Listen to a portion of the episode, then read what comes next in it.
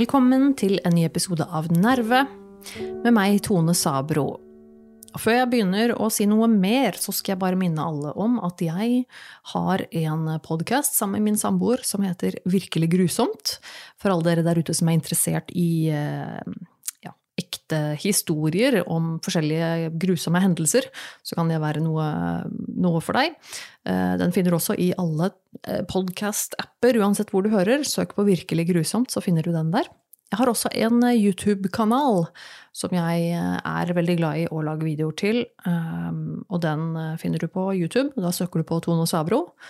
Og du finner meg også på andre sosiale medier, altså. På Instagram og Facebook og sånn, hvis du søker på navnet mitt der, Tone Sabro. Eller så har jeg også en Instagram-side for denne podkasten her, som heter Nerve med Tone. Um, nå skal det også nevnes, da, sånn helt sånn uh, apropos ingenting, at uh, jeg har jo også en Patrion, faktisk. Det er um, sjelden jeg husker å nevne det. Jeg syns jo det er litt vondt å drive og be om penger av folk. Jeg syns det er uh, ja, det er kleint, men jeg har nå i hvert fall en patron uh, som, uh, som, er oppe og går. Det er bare veldig få patrons der.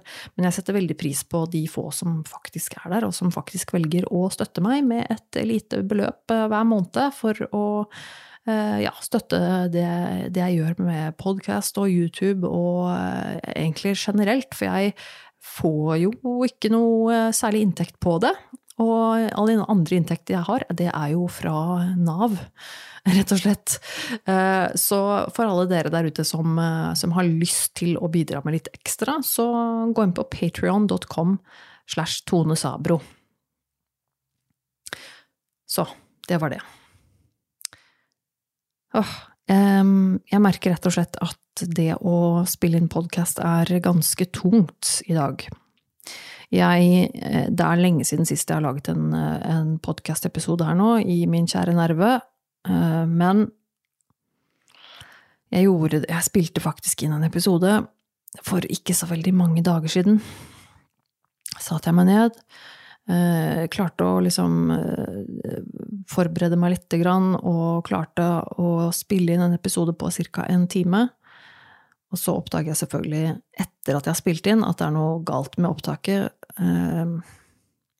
Så det måtte rett og slett bare slettes. Det kunne ikke reddes heller. Uh, og da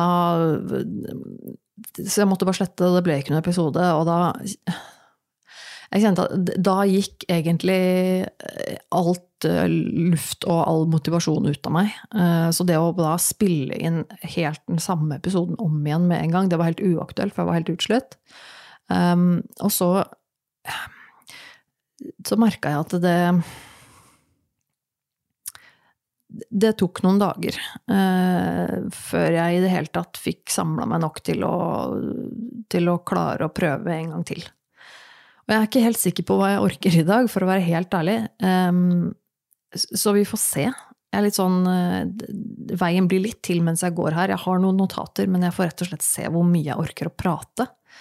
Um, jeg skal også ha en uh, livestream senere i kveld sammen med samboeren min. Eh, vi spiller jo inn en livestream en gang iblant. Vi har pleid å gjøre det på fredager. Nå er det ikke alltid det blir sånn at eh, vi har tid til det på fredager, men i kveld så skal vi faktisk gjøre det. Det syns jeg er veldig hyggelig, men da også blir det, det jo på en måte Du sitter jo og prater i da, noen timer. Og så skal jeg sitte her nå og prate noen timer, og jeg har ikke spist, og jeg har akkurat kommet hjem fra en liten bytur, så jeg kjenner at jeg er litt sånn Men vi får se. Ja, jeg skal ikke klage for mye. Jeg skal bare prøve å sparke meg sjøl gjennom det her nå. For jeg vil så gjerne. Ehm, det er jo det som er, at det, det høres kanskje ut som dette er en, en, kjip jobb, og noe jeg må liksom tvinge meg til å gjøre, og på, på, mange vis så er det det, men det er ikke fordi at jeg ikke liker det, det er ikke fordi at jeg ikke har lyst. Jeg har, jeg har veldig lyst til å lage mer podkast. Jeg, jeg syns jo det var utrolig kult da jeg orket å lage Nerve en gang i uka, for eksempel og, og, og, hadde det som en sånn som en sånn fast, ukentlig greie at jeg klarte det en periode. Det var veldig bra. Og jeg er jo veldig glad i den podkasten. Jeg liker veldig å, å, kunne sitte her og, og, prate til dere få der ute som, som hører på. Men jeg er, jeg er fortsatt i en dump, altså. Det er nok Det er jo litt rart. Jeg, er litt usikker på hva, hva eller hvorfor og, og, sånn. Eh, men jeg har jo vært i en, en dump en god stund nå. Um, noen måneder, i hvert fall. Og jeg tenkte jo at kanskje det var litt også fordi vi flytta hit til Vennesla, og så var det på en måte vinter, og den vinteren var veldig lang, syns jeg. Veldig, veldig, lang og veldig kald og veldig mørk. Og jeg har jo gledet meg veldig lenge til sommeren. Å få en sørlandssommer og sånne ting, og det jeg må jo si at jeg selvfølgelig syns det er veldig, veldig, veldig mye bedre å være her, her om sommeren. Men jeg merker ikke noe sånn Jeg merker ikke noe sånn veldig stor forskjell på min generelle sinnstilstand. Jeg hadde håpet at det kanskje kom til å plukke meg litt mer opp enn det det har gjort, det at det ble sommer og, og sol og sånn, men det har Dessverre så har det hatt eh, en forsvinnende liten effekt på meg og psyken min. Og hvorfor er jeg litt usikker på. Jeg har ikke noe god eh, Jeg har ikke noe godt svar på hva det er som gjør at jeg nå har havnet nede i en sånn grop.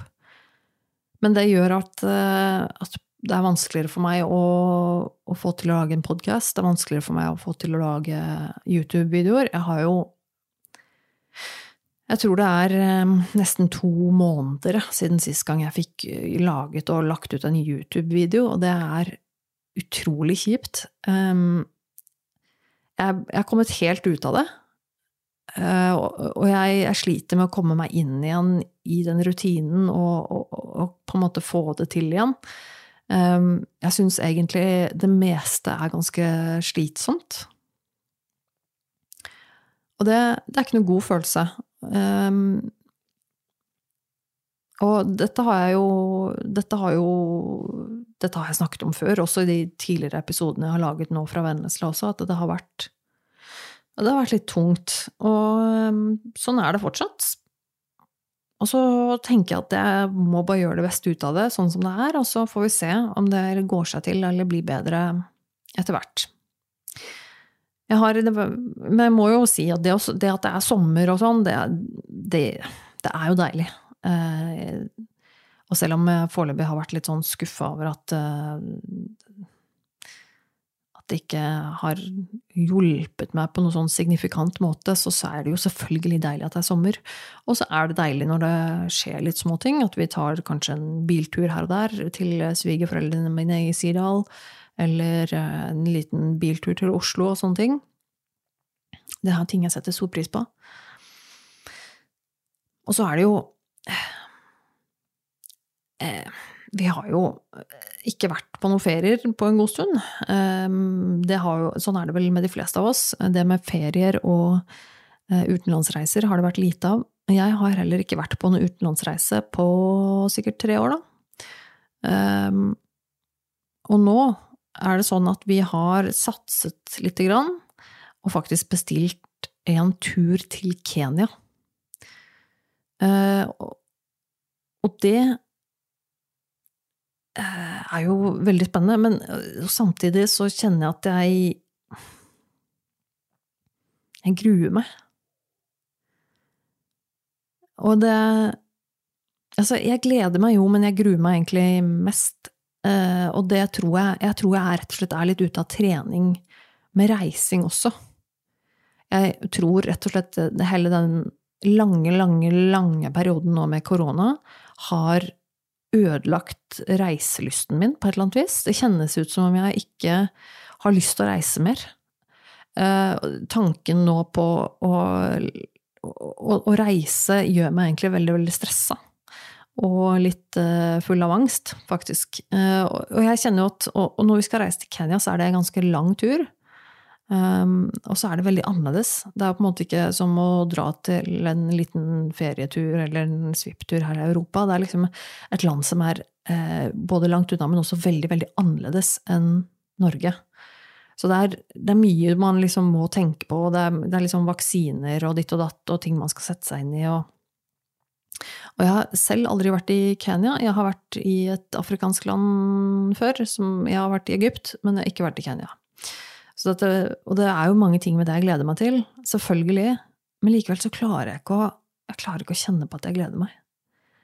Akkurat nå klarer jeg bare å grue meg til alt stresset rundt det. Og hver gang jeg kjenner at det er litt sånn eh, For det er så mange, det er så mange småting hele tiden. Vi må liksom sørge for at én ting er liksom alle reisepapirene og alt det der visumsøknad og sånne ting, men også er det altså vaksinene vi har tatt, og, og ditt og datt. Og så, og, og så er det ja, ting vi må huske på å ta med, og, og, ting jeg må kjøpe meg.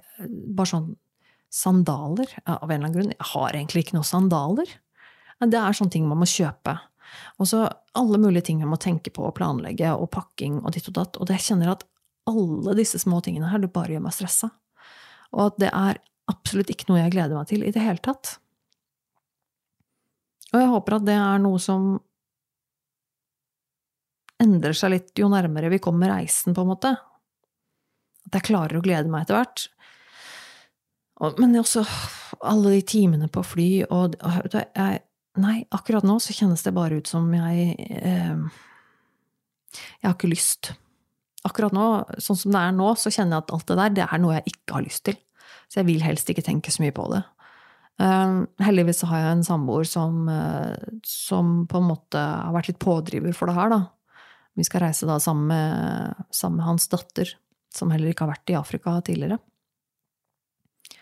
Og han tar på seg litt ansvar om å være reiseleder, og det kjenner jeg at det trenger jeg at han gjør. Eh, for jeg merker nå at hvis det hadde vært litt mer opp til meg at denne reisen her skulle skje, så hadde det nok ikke skjedd. Eh, såpass må jeg faktisk innrømme. Eh, men jeg prøver å tenke at jeg heller er heldig, og at jeg, um, at jeg er privilegert som får reise til Kenya og oppleve det. Og det er, jo, det er jo ikke alle som får det, og, og, det er jo en opplevelse og en erfaring, og, og det er jo Og jeg har jo egentlig alltid vært veldig glad i å reise.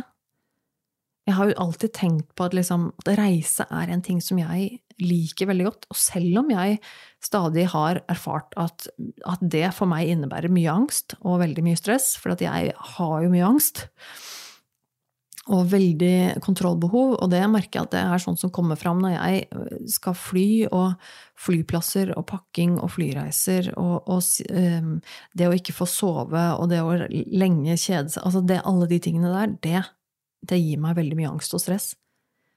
Men likevel så har jeg liksom klart å, å glede meg. Um, men nå gjør jeg på en måte ikke det lenger, og jeg, jeg bare har en følelse av at, at, det er At jeg tror det har noe med den lange perioden med korona som bare har uh, på et vis um, ødelagt reiselysten min. Både fordi at jeg på en måte ikke har reist, men også alle de alle på en måte de tankene om det som er skummelt med å reise, med sykdom og smitte og, og folk og liksom Og jeg lurer, på, jeg lurer på det. Om det rett og slett har ehm, ødelagt reiselysten min litt, og det syns jeg er litt trist. Um, jeg vet jo at reise egentlig er en sånn ting jeg har satt veldig stor pris på. Men ja. Jeg får bare håpe at det ikke er noe At det bare er litt sånn ute av trening. At jeg kanskje med en gang jeg begynner å på en måte reise litt, så kanskje jeg faller rett inn i det igjen, og at det går helt fint. Jeg får håpe det. Men øh, jeg merker jo også det at når jeg er nå nede i den dumpa, så er det enkelte ting som, som øh, gjør seg ganske tydelig i livet mitt. Og det, det merka jeg Eh, veldig jeg har jo eh, nevnt det at jeg har begynt å gå til psykolog igjen. Jeg har jo fått psykolog her i Vennesla. Det er jeg veldig, veldig glad for.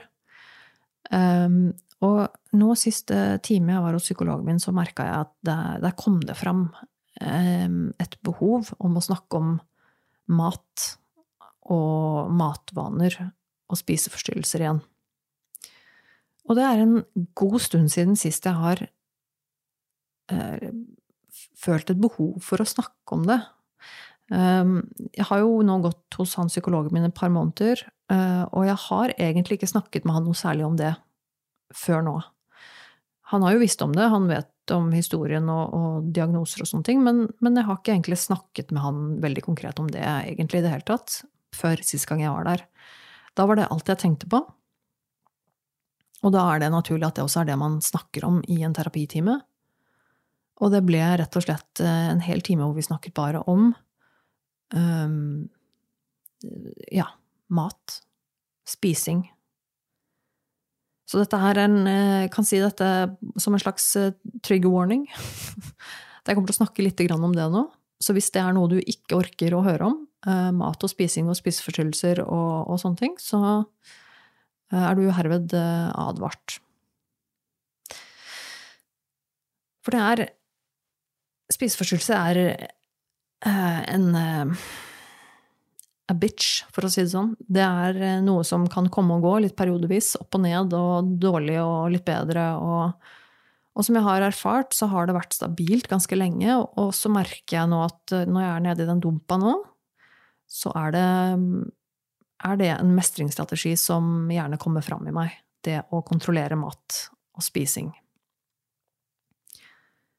Og jeg har jo tidligere hatt eh, Det er jo noe jeg har snakket om i denne podkasten her tidligere også, dette med spiseforstyrrelser og diverse av forskjellige typer. Jeg kaller det jo spiseforstyrrelser og ikke, ikke direkte anoreksi eller, eller, bulimi eller altså sånne ting. Jeg sier spiseforstyrrelser rett og slett med vilje, og det er litt fordi at um, Fordi at uh, det er komplekst. Veldig ofte så ja, Jeg skal ikke snakke så veldig lenge om det, men veldig ofte så er det jo sånn at man enten har mer enn én type, eller at den ene går utover i den andre og, og blir til det ene. Og, og, sånn, Man kan også ha begge deler på en gang. Så det er litt sånn komplisert. Og jeg har jo tidligere fått diagnose med anoreksi. Um, da det i en periode var veldig, veldig passende å, få, å stille den diagnosen på meg. Men sånn som det er nå, så vil jeg nok strengt tatt ikke kvalifisere til de kriteriene som, som, eh, som, gjelder for anoreksi. Men jeg er jo ikke frisk fra spiseforstyrrelse likevel. Eh, nå ville jeg nok kanskje kvalifisert mer til det som heter bulimi. Men vet likevel at det har mye aspekter med sulting og, og sånne ting. Så det er på en måte, det er ikke så svart-hvitt alltid heller når det gjelder diagnoser. Det, det, vet vi jo alle, regner jeg med. Men det er jo også sånn, det kan, det kan være overspising, det kan være bulimi, og det kan være anoreksi, og man kan ha eh, både det ene og det andre. Og det kan være sånn som med meg, så har det vært en periode hvor det har vært mye eh, Det på en måte man kan si at har vært anoreksi. Eh, og så har det gått mer over i noe det er nå som ligner mer på bulimi. Så det er Eh, så det er derfor jeg rett og slett sier spiseforstyrrelse, for det blir på en slags eh, kategori for, for egentlig alle problemene som ligger under der.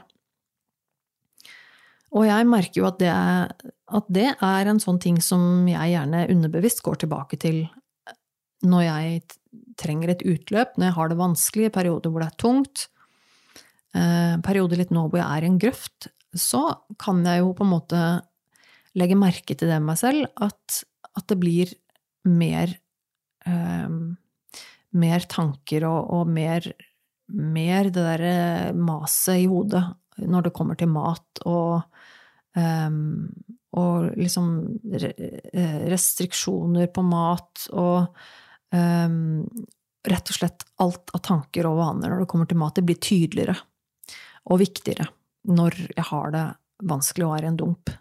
Og det er jo ganske typisk. Eh, det har jo, det har jo gjerne et utløp i et eller annet sted. Vonde tanker og følelser. Det vil jo gjerne manifestere seg i et eller annet problem. Eh, og for meg så kan det gå denne veien. Så hvordan går det med meg nå? Jeg kommer jo på at eh, det er jo ofte noe jeg blir spurt om å snakke om.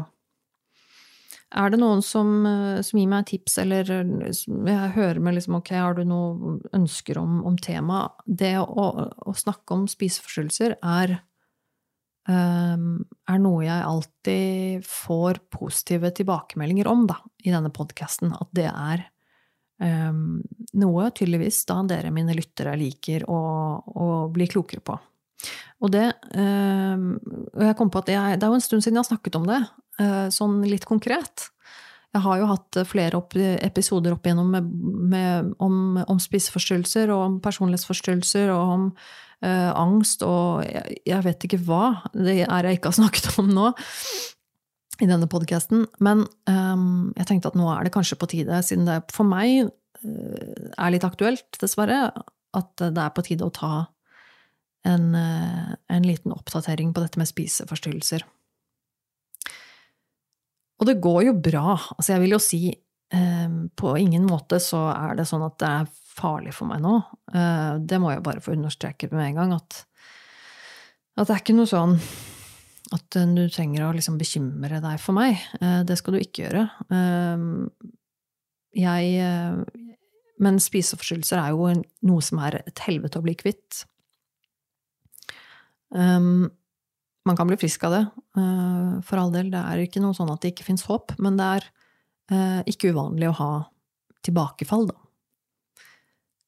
Og jeg har jo disse tankene som, som nok eh, som nok aldri blir borte, eh, selv om det nå på en måte kan være perioder hvor det er bedre eller verre, så vil jeg nok si at eh, til og med i perioder som er bedre, hvor jeg på en måte eh, ikke er så opptatt av eh, restriksjoner og, og, veldig opptatt av dette med mat og, og sånne ting, så er det liksom noen noen tanker som aldri helt blir borte, som jeg sitter med konstant, uansett om jeg har det bra eller dårlig. Og det er typisk da tanker om f.eks. kaloritelling. Eh, det er, eh, det er noe som aldri helt blir borte lenger i hodet mitt. Siden jeg på en måte ble ordentlig sjuk og fikk diagnosen anoreksi, så har jeg hatt både gode og dårlige perioder, og generelt er jeg jo mye friskere nå enn det jeg var for bare noen få år siden. Men likevel så er det en sånn, en sånn greie som alltid går i hodet mitt helt automatisk når det gjelder uh, noe jeg putter i meg. Uansett hva det er jeg putter i meg, så går det en eller annen tanke inni hodet mitt om mengden av kalorier det inneholder. Det er ikke alltid jeg vet nøyaktig hvor mye kalorier et eller annet inneholder, men det er uansett så er det en tanke der hvor jeg gjør meg et estimat i hodet mitt over antall kalorier jeg får i meg. Og det, det er en tanke. Uh, en ting jeg også uh, er Og det, det er også, også, sånn generelt uh, at jeg er veldig bevisst på at jeg spiser, og hva jeg spiser. Så det er um, det, det, det, skjer ikke at jeg på en måte bare tar meg et måltid fordi jeg er litt sulten, uten å egentlig tenke så mye over det det er helt fjernt fra meg. Uh, altså, jeg kan, jeg kan, ta meg et måltid fordi jeg er sulten, når jeg er sulten, um, men det er alltid med mye baktanke. Og ja, det er slitsomt. Det er veldig slitsomt. Og det er noe jeg ikke unner noen, altså. Å ha det sånn. For det blir et veldig masete liv når det gjelder mat, i hodet mitt.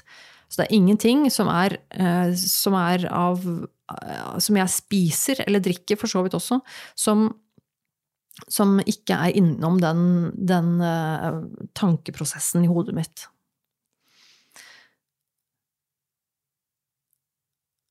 Og det er også sånn som nå, for eksempel, uh, i perioder hvor jeg merker det jeg merker det ganske godt, så er det også en veldig sånn utpreget skam som er ganske spesiell. Som jeg har lagt merke til Eh, ikke bare nylig, men også generelt med meg og, og, mat. Og dette er jo ikke bare meg, men nå tar jeg jo selvfølgelig eksempel i meg selv, da. Og det er en sånn, um, en sånn Det kan være en, skuffelse. Veldig, veldig skuffa av meg selv når jeg spiser. Og det er er nok alltid, men periodevis er det, er det verre. Men det er også sånn at jeg blir skuffa for meg selv for at jeg ikke klarte å la være å spise. Så jeg er alltid skuffa når jeg har spist. Uansett egentlig hva det er. Jeg har noen få ting som er liksom ja-mat i gåseøynene i hodet mitt, som er litt sånn mat som jeg måtte få lov til å spise litt mer av. Og det kan være liksom sånn uh, gulrøtter eller uh, tomat, altså sånne rene grønnsaker og ting som er lav på kalori i seg selv, og som er på en måte sunne ting. Det kan være sånn, det er litt sånn ja-mat. Det er nesten så Da får jeg nesten lov av meg selv å ikke telle kaloriene. Det er ganske drøyt. Um, men det er en sånn Det er en, en skam som ligger i det, som, som, er veldig, veldig vanskelig å komme rundt. Uh, som gjør også at det er veldig vanskelig å, å, bli frisk av det. Og det er rett og slett denne skammen uh, denne skammen som gjør at jeg føler meg um, Altså, du kan si um, når, jeg, når, jeg, er tynn, da. Du kan si når jeg, når jeg, I den perioden hvor jeg har vært tynn altså, nå, nå, må dere ta alt dette her i gåseøynene, for dette her blir jo Alt det jeg forteller nå, er jo en slags forvrengt verden. Men i mitt hode, i mitt spiseforstyrrede hode, så var jo jeg flink i gåseøynene ikke sant? Da jeg klarte å liksom sulte meg og, og bli tynn, så var jeg flink. Det var sånn jeg tenkte på meg selv. Det, det, ga meg en følelse av mestring og kontroll, og et utløp for mine følelser. Og det gjorde at jeg følte meg flink. Jeg klarte å tenke, å føle at jeg, jeg får det til. Eh, dette klarer jeg, og jeg er flink til å ikke spise. Nå klarte jeg å slå min egen rekord, eller nå klarte jeg å, å gjøre sånn så mye lite, eller spise så lite, eller, eller, hva det skal være. Eh, helt absurde rekorder, og jeg følte meg flink. Og det, og det, å føle seg flink er jo en god følelse, uansett hva det er. Hvis du, hvis du gir deg selv en, en, eh, en følelse av at nå har du mestret noe Det å mestre er jo en god følelse. Så det gjør jo rett og slett at jeg snur litt på virkeligheten, for da betyr det jo plutselig at jeg føler meg flink når jeg egentlig gjør noe som er veldig, veldig skadelig. Og det er jo det som er farlig med spiseforstyrrelser. At du rett og slett roser deg selv. Jo, jo verre og sykere du blir, jo flinkere føler jeg meg. Og det er fryktelig, fryktelig farlig. Men da blir det jo også på en måte litt eh, omvendt. Når jeg da på en måte faktisk blir flink og frisk og klarer å spise mer, så vil det også gjøre at jeg føler meg dårligere og mindre flink. Og det har jeg merket veldig godt på den perioden hvor jeg har blitt friskere. Altså fysisk friskere etter at jeg har vært på mitt tynneste, for det er jeg jo ikke nå lenger. Så etter at jeg nå er blitt på en, et, et, en normalvektig tilstand, eh, sånn BMI-messig, liksom, så har jeg jo eh, så har jeg jo merket det at jeg skammer meg på helt omvendt måte. Nå skammer jeg meg når jeg spiser. Jeg skammer meg for at jeg, at jeg spiser, og at jeg, er, eh, at jeg har klart å legge på meg. Så her blir det en, en skam for nå er jeg ikke flink lenger, i gåseøynene. Flink. Nå er jeg ikke flink lenger til å sulte meg. Så og, og, det er helt eh, Så det blir helt uh, merkelig og veldig omvendt i hodet mitt, men nå kjenner jeg at jeg, at jeg, gir, at jeg gir meg selv en skam. Når jeg spiser og er sunn og tillater meg selv um, en, en, eh, en, sunn mengde kalorier i løpet av en dag, så skammer jeg meg. For da er jeg ikke flink lenger. Jeg er ikke flink. Jeg er ikke flink til å sulte meg lenger. Og det blir en negativ ting i mitt forvridde hode. Og det gjør det jo selvfølgelig vanskeligere å komme seg ut av det. For når jeg stadig da shamer meg selv for å spise, så sier det seg selv at det blir utrolig vanskelig å ønske å spise, og ønske å bli frisk, og ønske å komme seg ut av det. Så det blir helt, helt forvrengt, helt omvendt. Og utrolig ja, vanskelig. Og, og, rett og slett eh, litt uh, ganske skummelt.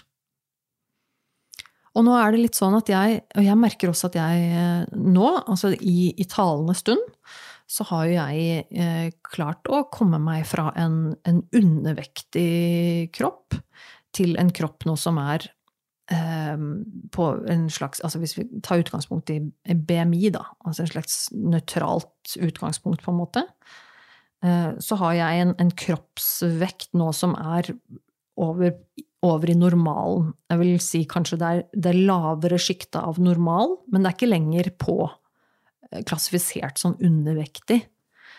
Um, og det i seg selv er jo en seier, ikke sant. Jeg, jeg, vet jo det helt rasjonelt i hodet mitt, så kan jeg tenke at det er en seier. Jeg har klart å, å, å, å jobbe meg friskere. Jeg har klart å spise meg friskere.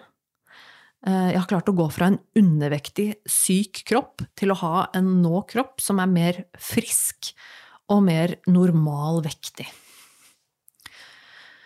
Men jeg er jo fortsatt spiseforstyrret, selv om jeg nå er i en kropp som er eh, på å si normal i gåseøynene, så har jeg fortsatt spiseforstyrrelser så har jeg fortsatt tanker om, om, mat som gjør det vanskelig, og ting jeg ikke kan spise, og hvor mye og lite jeg kan spise, og sånne ting. Det er noe som henger i meg enda.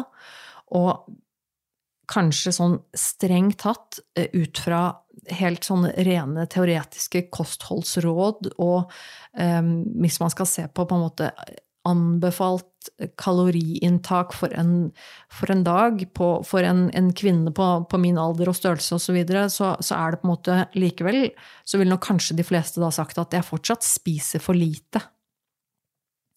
Og at totalmengden av inntaket jeg har på en dag, nok kanskje er fortsatt for lite. Og og, det, og jeg gjør nok sikkert det. Jeg spiser sikkert mindre enn andre mennesker fortsatt. For jeg er jo ikke frisk. Jeg vil jo ikke si at jeg er frisk fra spiseforstyrrelsen. Jeg har jo fortsatt spiseforstyrrelser.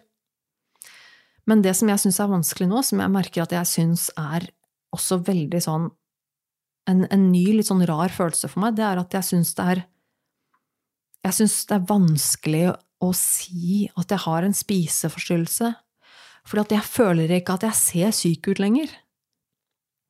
Nå har jeg på en måte en, en kropp som er normal, gåseøyne, da. Eh, for det, rett og slett bare fordi normal er et veldig sånn flåsete, tullete ting å si. Normal jo, betyr jo egentlig ingenting, men, men sånn ut fra BMI-perspektiv så har jeg på en måte en ganske normal kropp. Men jeg, inni meg selv, i mitt forkvaklede sinn, så er jo denne kroppen her mye tjukkere enn det jeg hadde. Så jeg syns jo selv nå at, at dette er for mye. At, dette, at jeg, jeg føler jo veldig på det, at jeg har lagt på meg mye, mye, mye.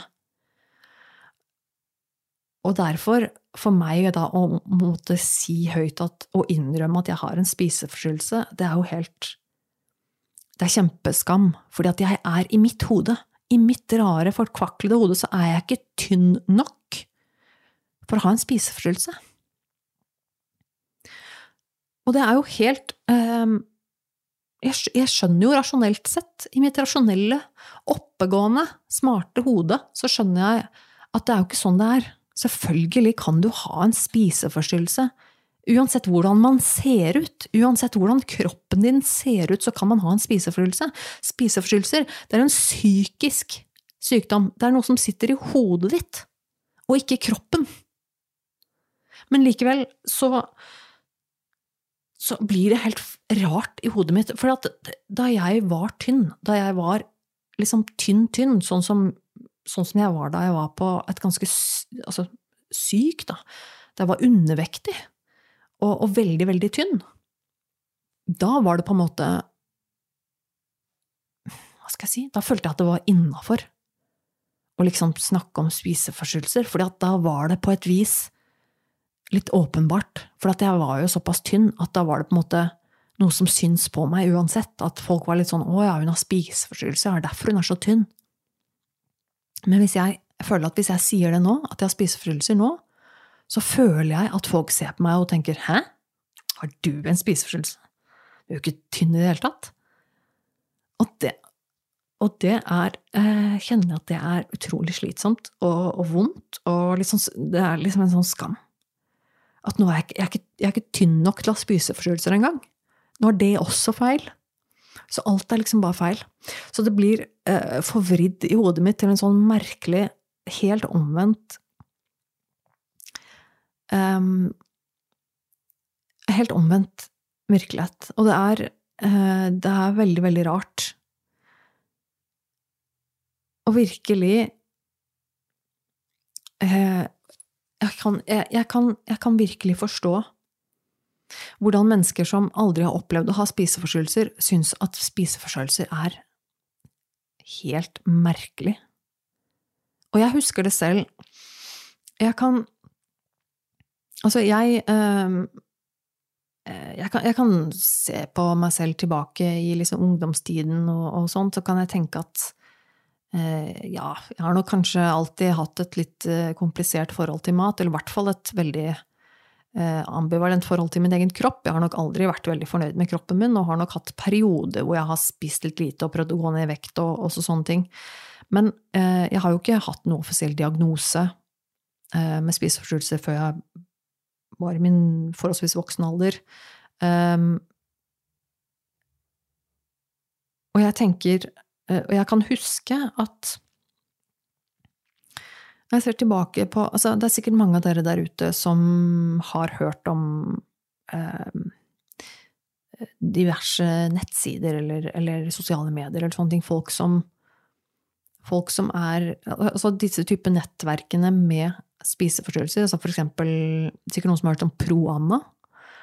Eh, som er liksom forum, med nettside hvor, hvor eh, som handler om anoreksi, da.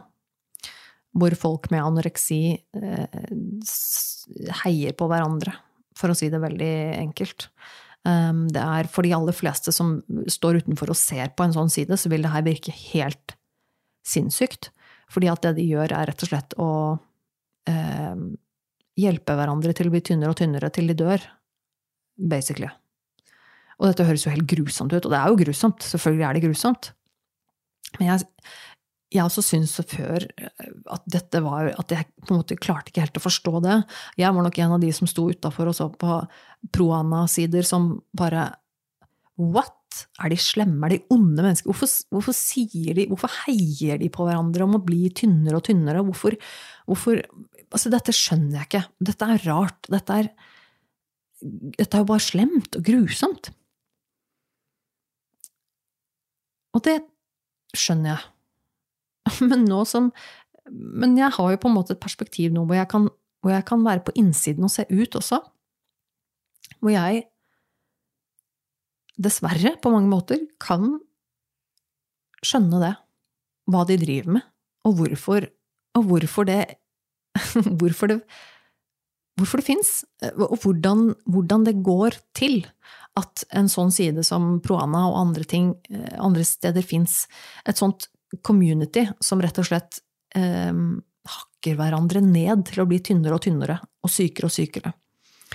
Og det, da er vi inne på dette med dette forkvakla, eh, sånn omvendte verdenssynet. Igjen, dette med at, eh, at man rett og slett føler seg flink når man klarer å sulte seg. Og det er eh, en følelse som, eh, som jeg, som sagt, jeg kan kjenne meg veldig godt igjen i, og det også er veldig rart at, du, at det også er en følelse som kan Holdt på å si smitte, men ikke nødvendigvis smitte, men, men, at det blir en veldig ensom følelse. Og at når man da treffer andre mennesker som også føler det samme, så er det en veldig eh, spesiell følelse, rett og slett.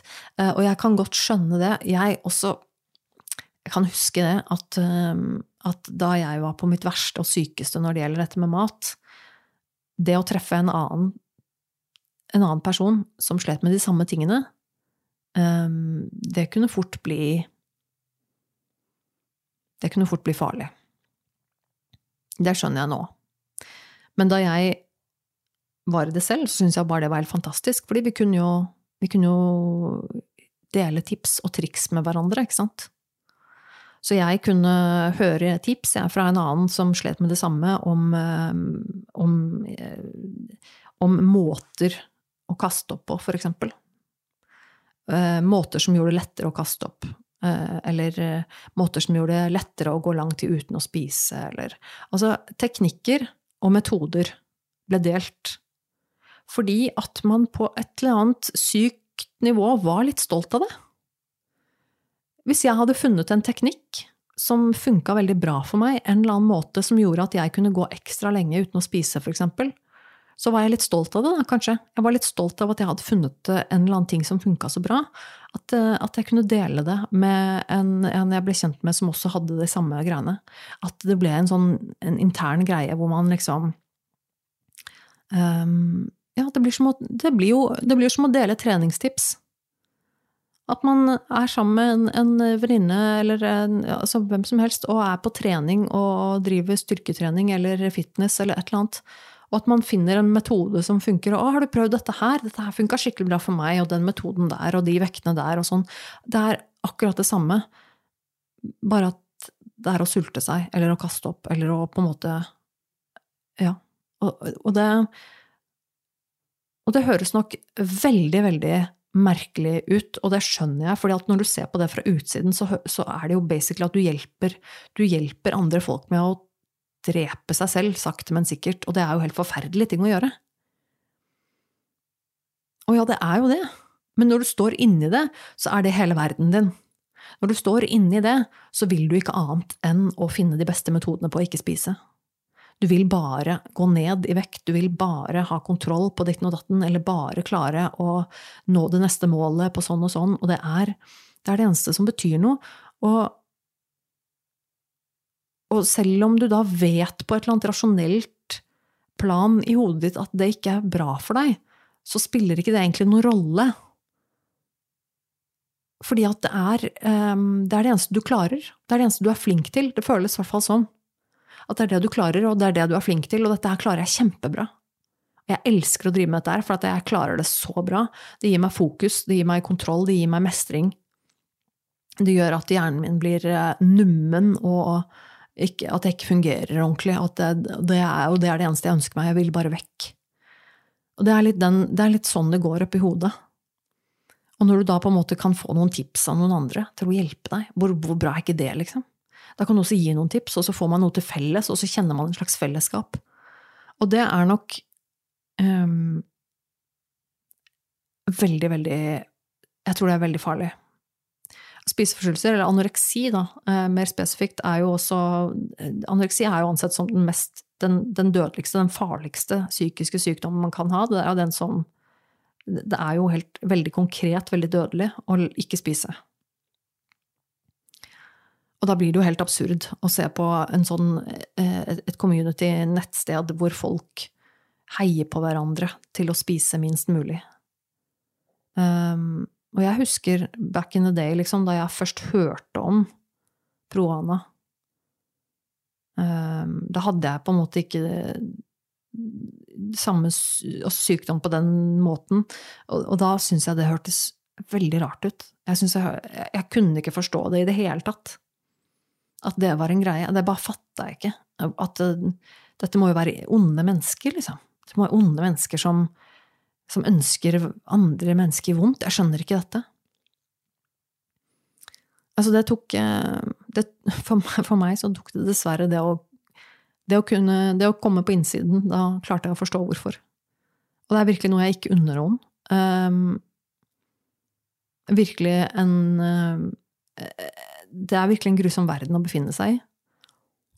Det er virkelig en sånn følelse hvor du er damned if you do og damned if you don't. For du blir aldri fornøyd. Hvis jeg skal gjøre meg selv glad, hvis jeg skal følge mine egne tanker om hva som er bra, som da på en måte vil si å sulte meg og sulte meg og sulte meg, og sulte meg, og sulte meg, bare bli tynnere og tynnere og tynnere, og tynnere, så er jo ikke det bra. Det er jo farlig. Det er kjempefarlig for kroppen min. Og alle andre rundt meg vil jo bli kjempefortvila og lei seg og, og øh, skal ha hjelp for meg og, og, alt mulig. ikke sant? De, vil jo motarbeide meg. Og hvis jeg går andre veien, hvis jeg skal høre på det andre sier, da, og gjøre det som er på en måte sunt og, og friskt og, bra for meg, liksom, da, som, som det jo er, å, å spise mat og, og, ha en sunn vekt og, og alt det der, så går jeg jo imot meg selv. Da går jeg imot mine egne indre ønsker. For jeg syns jo noe av det aller, aller verste er å gå opp i vekt. Det er noe av det skumleste og fæleste og jævligste jeg vet om. Det er liksom følelsen av å gå opp i vekt, eller se på meg selv at jeg har gått opp i vekt, eller se på, på vekta at jeg har gått opp i vekt. Det er en så angst, panikkfølelse, uh, som jeg ikke unner noen. Og det er virkelig helt absurd hvor konkret en psykisk lidelse kan bli. Og spiseforstyrrelser er vel det mest, det mest tydelige eksempelet man kan få. Og det som er Det jeg merker nå um, Når jeg på en måte er i en litt sånn kjip og tung periode, og jeg merker at jeg begynner å tenke mye på sånne ting igjen Noe av det jeg syns er aller tristest med det, det er at jeg merker at jeg savner det. Og det syns jeg er utrolig trist og veldig, veldig skummelt. At jeg faktisk savner følelsen av å være flink til å sulte meg. At jeg føler selv at jeg kan se tilbake på meg selv nå, for, sånn som jeg var for noen år siden da jeg var tynn. Så kan jeg se på meg selv, altså, at jeg sitter nå og ser på meg selv og tenker at jeg var så flink. Jeg var så flink, og jeg var så, eh, jeg var så tynn, og jeg fikk det til, og jeg var så flink, og nå er jeg så dårlig. Jeg er så dårlig til å sulte meg nå. Nå er jeg ikke flink i det hele tatt. Og at jeg kan sitte og savne det å være så flink det er ganske skummelt, altså. Um, og det også er jo sånn at jeg måte tar et steg tilbake og prøver å se meg selv litt utenfra. Og når jeg ser det, at, at det går an å savne det, da begynner man virkelig å forstå hvor, hvor farlig og hvor skummelt en sånn spiseforstyrrelse kan være.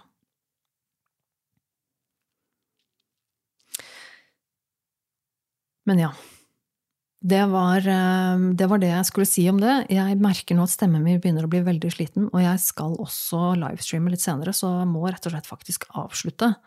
Um, um, men jeg skal uh, Helt til slutt så skal jeg anbefale Jeg har um, hørt på et par lydbøker. Jeg er jo veldig glad i å høre podkast og sånne ting, men uh, lydbøker er ikke alltid jeg tar meg tid til å høre, for da blir det så Det tar så lang tid.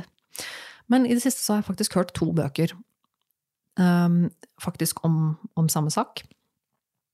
Det er rett og slett bøker om uh, Alvdal-saken.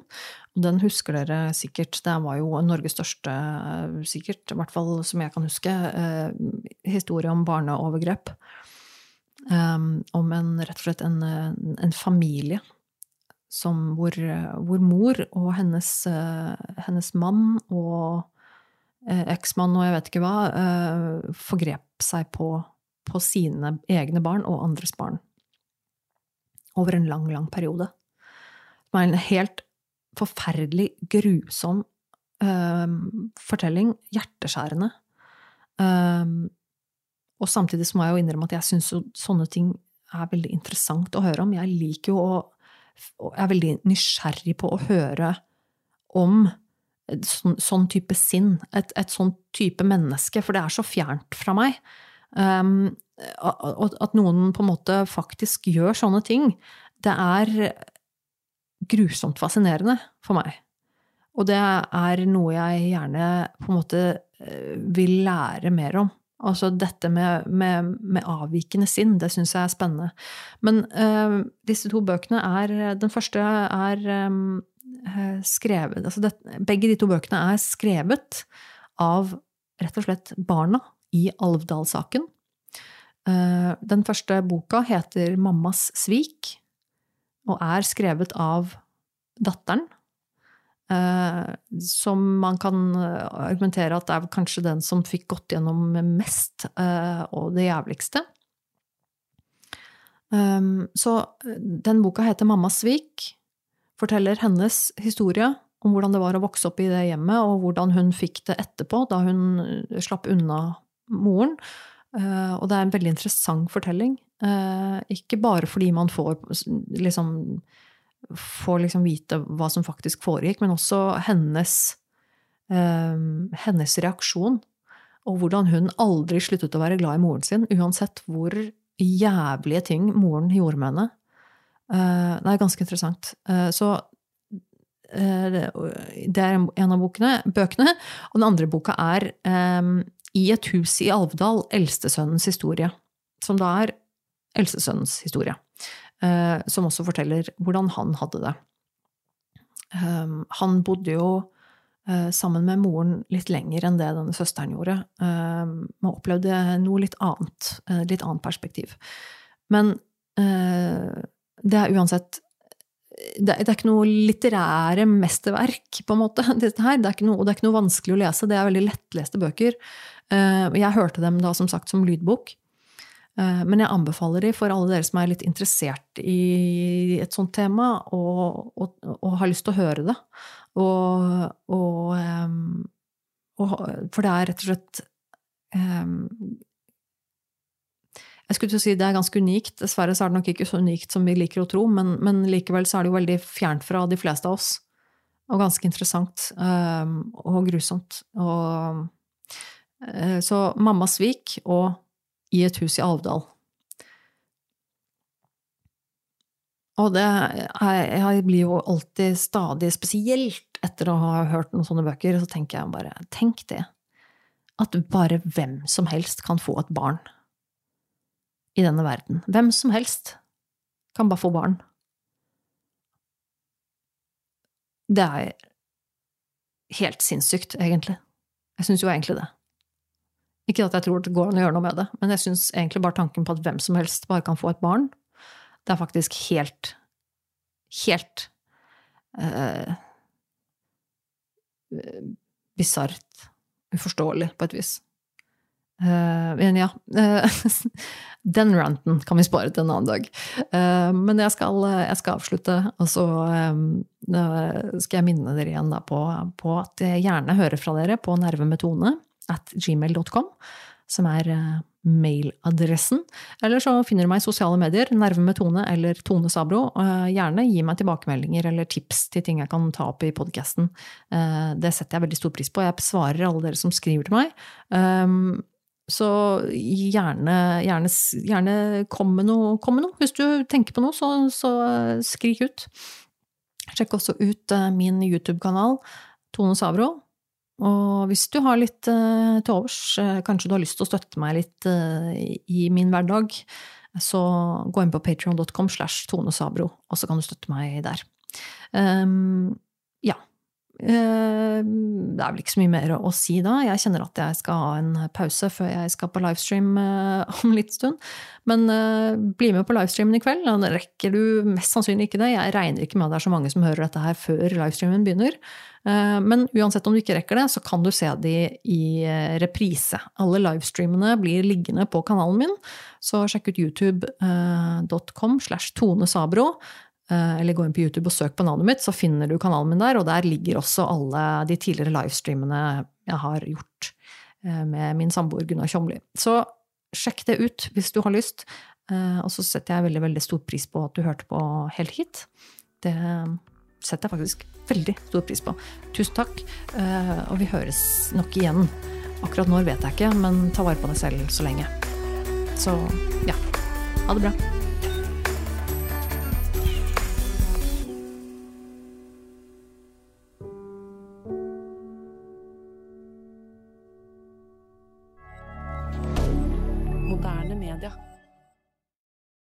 Har du et enkeltpersonforetak eller en liten bedrift? Da er du sikkert lei av å høre meg snakke om hvor enkelt det er med kvitteringer og bilag i fiken, så vi eh, gir oss her, vi. Fordi vi liker enkelt. Fiken superenkelt regnskap.